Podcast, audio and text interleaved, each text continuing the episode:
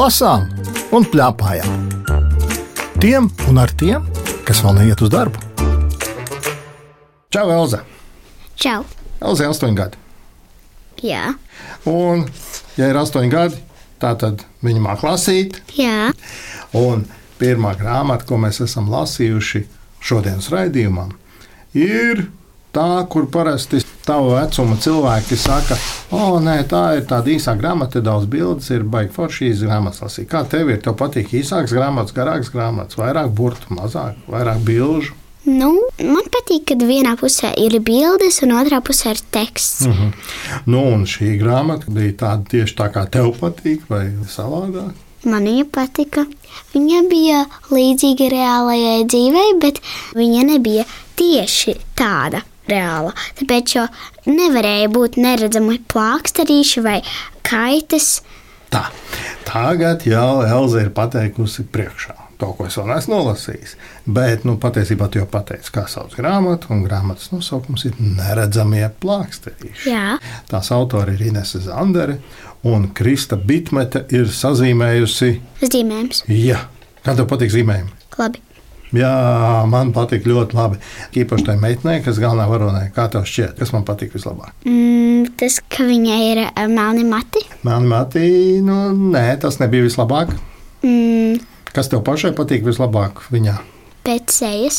Man patīk viņas garais deguns. Jā, tiešām. jā, tad man nepamanīja. Ne. Visur ir tāds garš deguns. nu, jā. Nu, tas, kas saucās, tad, kad mamma vai tēvs negrib, lai tu skaties, kur tu bāc savu degunu. Nu, tas mm. tieši tā arī ir ar šo galveno varoni. Izlasīšu aizmugurē, kas rakstīts. Ir.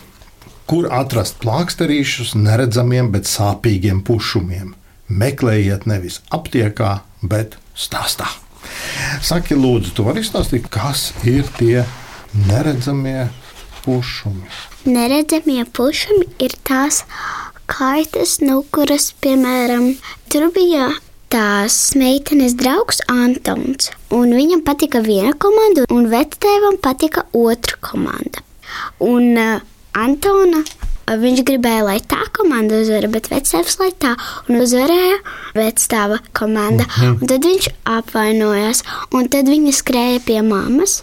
Lai paņemtu neredzamo plāksterīti, sagriezos uz visām pusēm, un tad visiem palika labāk. Tas ir tas neredzamais pušums, ir tas, kas apsirds Jā, par kaut ko. Jā. Mm. par ko var bēdāties. Tev ar tā ir bijis. Jā, Un tu esi gājusi, māmu, man vajag plāksterīt. nē, Tagad, kad tu izlasīji šo grāmatu, tagad ir amats rokā. Zini, saka, amats rokā. Tas ir, ah, tā tad es varu tomēr aiziet un pajautāt, kā man vajag neredzamos plāksterīšus, un mammai viņi ir jāsagādā obligāti. Tu vari iedomāties, kā uzlīmē neredzamo plāksterīti neredzamajam pušumam. varu. Kā tas ir? Kā te sēž cilvēks, un tad atnāk roka un uzlīmē. Skaidrs. Es domāju, ka visi spēj iedomāties. Es nolasīšu vienu gabaliņu. Iegājusi istabā, Anete iespieda saviepto čakārņa ģīmi mammas azotnē. Man te gribējās jautāt, kas ir čakārņa ģīmis? Tā kā, kad viņš ir saviepts. Tu zināji, nebija jājautā mammai. Kāpēc? Zini, saucās tādi veci vārdi - čakārņa ģīmis. Nu, sāp, sāp. Kas tad nu? Pušums. Anēta teica un izslēdza mazo pirkstiņu. Māma to uzmanīgi apskatīja. Nekādu pušumu gan es te neredzu. Nu, tas ir neredzamais pušums. Ā, neredzamais pušums, nopietni sacīja māma. Nu, tad uzliksim tam neredzamo plāksterīti. Viņa izņēma no atvilknes kaut ko neredzamu, uzmanīgi atvēra un izvilka nelielu neredzamu plāksterīti, kuru izsaiņoja un rūpīgi uzlipināja Anētas maziem pirkstiņam. Anētai sanāca smiekli un dusmīgais čakārnis no sejas pazuda. Tā kā redzi, te tomēr var arī neredzamos plāksterīšus lietot tādām kaitēm, kuras sadauzās. Nu jā, Tomēr ne tikai tas, ka sāp kaut kas. Saki, lūdzu, šajā grāmatā tiešām viņi neredzam. Šajā grāmatā tos var redzēt, bet pasakā, ja meitene skatītos arī no grāmatas, tad viņa neko neredzētu. Jā, bet šajā grāmatā viņi ir uzzīmēti. Un mums mākslinieca Krista Bitmete ir izdomājusi, ka tie plāksterīši varētu izskatīties tādi. Tu viņai piekrīti? Mm -hmm. Nestāstīsim kādi, bet viņi šeit ir uzzīmēti. Pēc cilvēciņiem izskatās. Un, nu, kāpēc tu pateici priekšā? Labi, vienalga ir jānopērk grāmatu, lai redzētu tieši kādi viņi izskatās. Kādu tu gabaliņu nolasītu no grāmatas? Es nolasītu šo gabaliņu. Anete novēlās Miklajā zālē, kā vabola ar gaisā saslētām kājām. Tu mums neizstāstīsi, no kurienes viņi novēlās. No koka. Tā, tu kāp kokos. Jā, Un tas bija tas gadījums, kad viņai vajadzēja pirmo reizi tos plāksterīšus. Ja? Tu zini, es par to kokā kāpšanu man bija stipri jāizdomājās, lasot šo grāmatu. Es te palasīšu vēl vienu vietu. Kad Anēta atgriezās dārzā, zāle bija jau pavisam sausa. Arī abels zars vairs nebija slīdēts nu, no tā, kur viņa nokrita. Drīz vien viņa sēžot ābelē, raudzījās pāri ceriņkrūmiem un garāžas jumtam. Kaimiņu mājas otrā stāvā logs bija atvērts. Logā varēja redzēt lielu televizoru ekrānu, kurā piespēlējot cit citam bumbu, skraidīja futbolisti. Dīvānā sēdēja kaimiņu vestāvs, bet blakus uz krēsla Anētas draugs Antons. Nu, un tad ir tas, ko tu stāstīji ne, par to spēli. Bet zini, kas man vairāk lika aizdomāties? Cik augstu viņi ir uzkāpusi, ka viņi var tā mierīgi skatīties otrā stāvā logos iekšā. augstu. Mm -hmm, tur izskatās tik augstu kāpt. Es varētu, ja būtu tik augsts Varētu, jā. koks. Nu, skaidrs. Saki, lūdzu, vai tev ir kaķis mājās? Nav, suns arī nav. Arī nav. Arī nav. Tu gribētu kaķi? Es gribētu, Kā tu domā, kāpēc es jautāju to šo jautājumu? tāpēc, jo ābelei ir āboli un tā kā maidzīvnieki. Jā, varbūt ar šo grāmatu ir kaut kādā saistībā. Nē, tas kaķis. Es nolasīšu vienu gabaliņu. Anēte par savu draugu Ievu zināja gandrīz visu. Piemēram, to, ka Ievai nav un nebūs savu kaķīšu, kas dzīvotu pie viņas istabā un gulētu uz rakstām galda, kad Ieva mācās. Varbūt dažreiz pastaigāt pa datoru taustiņiem, nosūtot nesaprotams vēstules vai iztraucētu attālināto mācību stundu. Anita zināja, ka ievas lūgumi neko nedod. Alerģijas dēļ. Alerģija ir nevis ievai, bet viņas vecākiem, taču tur nav nekādas atšķirības. Tu arī gribētu, ka tev kaķis staigātu pa galdu un gulētu uz datora. Nē, nu, bet tu teici, ka tu gribētu kaķi. Nu, bet, ja viņš staigātu, nu, tad Nu, ko tu viņam teiktu? No, no, no, nestaigā. Viņš teiktu, kāpēc? Ko tu viņam atbildētu? es atbildētu, ja tu staigā, tad tu spied tausiņas. Viņš atbildētu, bet tas ir jautri. Tad es teiktu, tev tas ir jautri, bet man tas nav jautri. Kā tu man pierādīsi, ka tas nav jautri? Es uzskatu, ka tas ir jautri. Tāpēc jo es rakstīju, bet tu mani pārtrauci. Tu uzrakstīji A, K, S. Nu, jā, tā tad es kaut ko rakstīju tomēr. Nu, bet tu rakstīji, bet ko tu uzrakstīji? Nu, man patīk šie burti, kā es. Es atbildētu, kā kaķītis. Es teiktu tā, ja tu spaidi taustiņus, tad es tev teikšu priekšā, ko spiest. Aha. Nu, man te jāsaka, tā Elza, tu esi izturējis eksāmenu, tev pienākās kaķītis. To mēs pateiksim tavai mammai, jo tu zini, kā ar viņu rīkoties. Un arī šīs divas meitenes spēlējās. Un viena spēlē kaķīti, lai otrai nav bēdīgi. Jā, Un tas arī bija tas neredzamais pušums. ne? Un varbūt ka tas neredzamais pušums ir tāds, ka mēs kaut kā varam iepriecināt otru cilvēku. Un tas ir tas arī neredzamais plāksterītis, ko mums nemaz nevajag līmēt. Mēs tāpat sakām, klausies, es tevi iepriecināšu. Un otrs cilvēks paliek priecīgs. jā. Man ļoti patika šis beidzamais vārks. Kā tev patīk šis vārks? Labi. Kā domā, kāpēc man patīk? Tāpēc, jo viņa aizdzen pušumus Uh -huh. un atnāk laime. Jā, un laime ir tas plāksterītis, liels un gaišs. Un tas nejaucens ir tāds melna bumba. Jā, Melna bumba, kas mums neļauj dzīvot, kas mūs padara bēdīgus. Jā. Bieži vien. Jā. Paskaties, un te jau ir. Kā plāksterītis ir viņa paņēmis un skatās melnai bumbai acīs un saka, no, no, no. jā. Pajautāsim tai mammai, kā viņai šķiet, vai viņa arī uzskata, ka ir jālieto plāksterīši vai ne. Ja godīgi, es kā mamma ar ko identificējos, protams, ar māmu. Es pieņemu, ka, ja to grāmatu lasa bērns, tad eh, viņš to nepamana, bet tur ir rīktīgi forša māma. Es vienkārši nožēloju, ka man nav ienākusi prātā tik ģeniāla doma par plāksterīšiem kā viņai, un viņas ir uzzīmētas līdzīgas. Abas divas gan ar tiem garajiem deguniem, gan viņas vienādi līdzīgi ģērbjās tādā vienotā stiliņā, un nu, tā māma ir rīktīgi foršā tur. Man patika.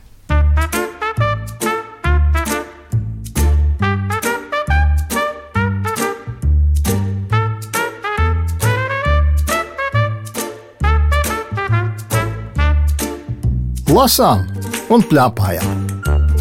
Tiem un ar tiem, kas vēl neiet uz darbu. Otra grāmata ir biezāka. Tu lasi arī biezākas grāmatas par šo. Jā, Es izlasīšu, kas rakstīts uz aizmugures vāka.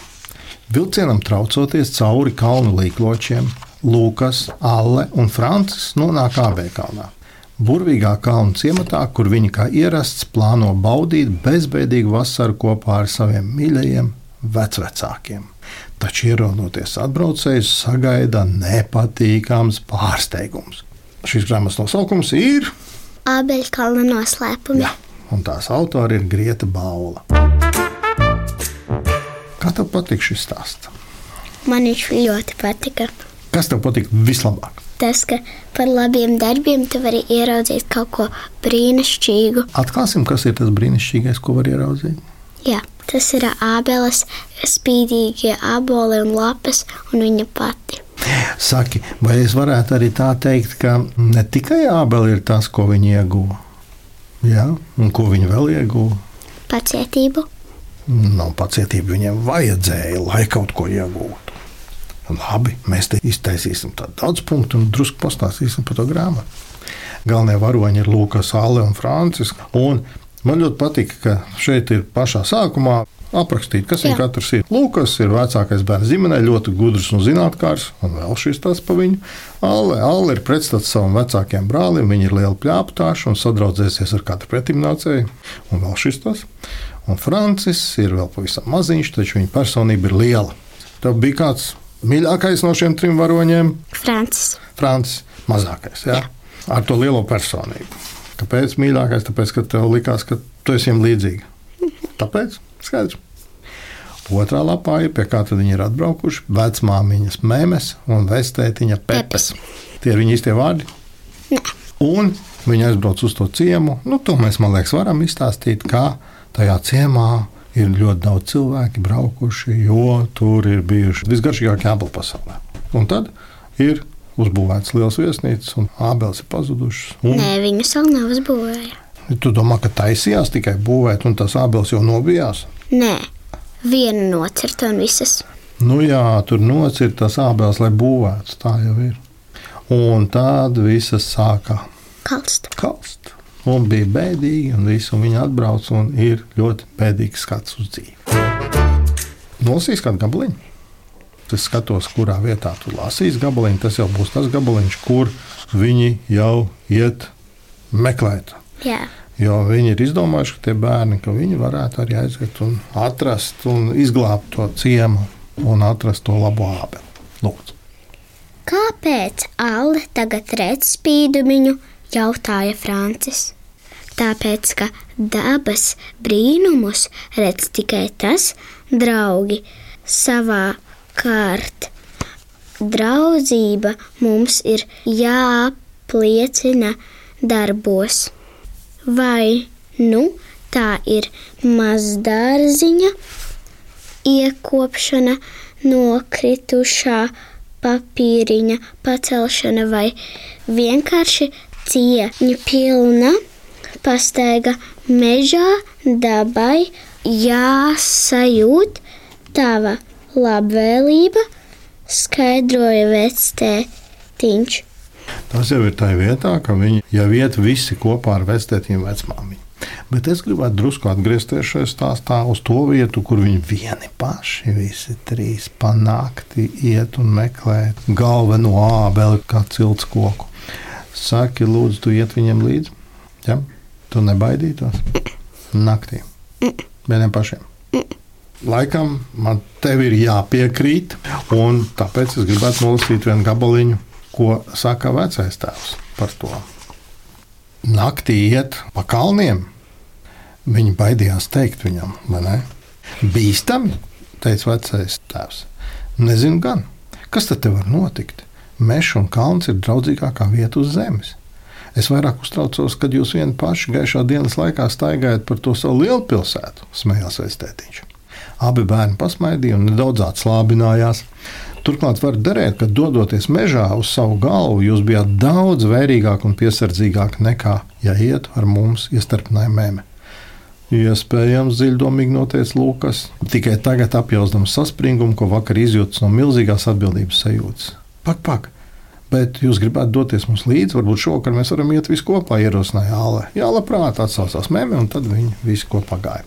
Nu, zini, man pārliecināja šī doma, ka tiešām, ja tu ej viens pats, tad tu esi daudz, daudz uzmanīgāks. Tad nav tā kā, gan ja mamma man tur izglābs no vilka. Bet, ja nu vilks nāk, ko tu darītu? Nu, tad es neskrietu, tāpēc, ka vilkiem ir reakcijas. Tāpēc, ka, ja tu stāvi uz vietas, ir lielāka iespēja, ka viņš aiziet. Mm -hmm. Bet, ja tu skrien, viņš tev dzenās pakaļ. Nu, viss. Elza ir nolikusi arī otru eksāmenu. Viņa var iet kalnos. Viņai jau ir kaķis, un tā viņa var iet kalnos. Kas tev vēl patīk šajā grāmatā? Man patika, ka sākumā Francis ieraudzīja mirdumiņu. To abeli, kas mirdz. Jā, tas droši vien bija tāds ļoti brīnumains lieta, vai ne? Par ko tas stāsts ir? Jo grāmatā pašā sākumā ir rakstīts tā. Taču šis stāsts nav par vasaras brīvdienām vien. Šis stāsts vēsta par, un tad ir trīs punkti, to, ko mēs jau minējām. Labi, vairs neko priekšā neteikšu, pamazām jūs paši visu uzzināsiet. Nu, tad par ko tas stāsts ir? Viena lieta par labajiem darbiņiem, Uh -huh. otra lieta ir par to, ka nevajag pārāk daudz izklaidēties, jo tad tu palaidi visu garām. Un trešā lieta būs, ka kopā ir interesantāk nekā ja tu ej viens. Jā, tev ir foršas trīs lietas. Es vēl pielikšu klāt, ka šī grāmata laikam ir par to, ka nevajag padoties. Jā, Jo tur viss ciematnieki bija šausmīgi sabēdājušies, un neviens negāja to abeli meklēt. To nelikās dīvaini. Neviens neiet meklēt, un tikai atbrauc no pilsētas bērni un saka, ko jūs neiet meklēt? Ejam, pameklēsim. Nē, neko jau neatradīsim. Viņi iet un atrod. Tā kā šī nepadošanās man šķiet bija ļoti svarīga šajā grāmatā. Un kaut kāda brīnuma jau ir te bija, vai ne? Vienas nakts laikā izauga abelis, piemēram. Tie ir Ir brīnumi. gan, jā. Bet tur tam noticis šiem brīnumiem šajā grāmatā. Samērā. Jā, Elza bija domīga. Es arī samērā. Tas labs vārds - samērā. Pajautāsim, ko māma saka par abeļkalnu noslēpumu. Es sākumā domāju, ka neaizies. Es pirmo nodaļu īsinātu ļoti, ļoti, bet beigās tas stāsts bija labs. Tā intriga par to, kāpēc kāds redz un kāpēc kāds neredz. Un man patika, ka tā bija tieši tā vieta, kur uh, mēs mazliet mainījāmies, tad kaut ko lasīja Elza pati, un kaut ko es lasīju viņai. Un tajā vietā es lasīju viņai, un viņa visu laiku, nu, bet kāpēc? Nu, tāpēc neredz. Es saku, nē, jālasa grāmata. Tālāk, nu, bet tāpēc neredz. Nē, ne tāpēc. Tad tāpēc. Un tur bija kaut kādas piecas versijas, kāpēc. Un neviena nebija īstā, un tad mēs dabūjām lasīt uz priekšu, lai uzzinātu, kāpēc. Kāds redz un kāds nē. Un mēs par to neparunājām. un Tagad radio klausītāji Jūs zinās, ka nedaudz pārunājām. nu, bet- nedaudz. Bet būs jālasa grāmata. Ar Elzu runājās Lauris Gundars, raidījuma redaktore Agita Bērziņa, skaņu režisori Valdis Raitums un Reinis Budze. Raidījumu vēlreiz klausies Latvijas radio lietotnē, mājaslapā un arhīvā. Tiekamies!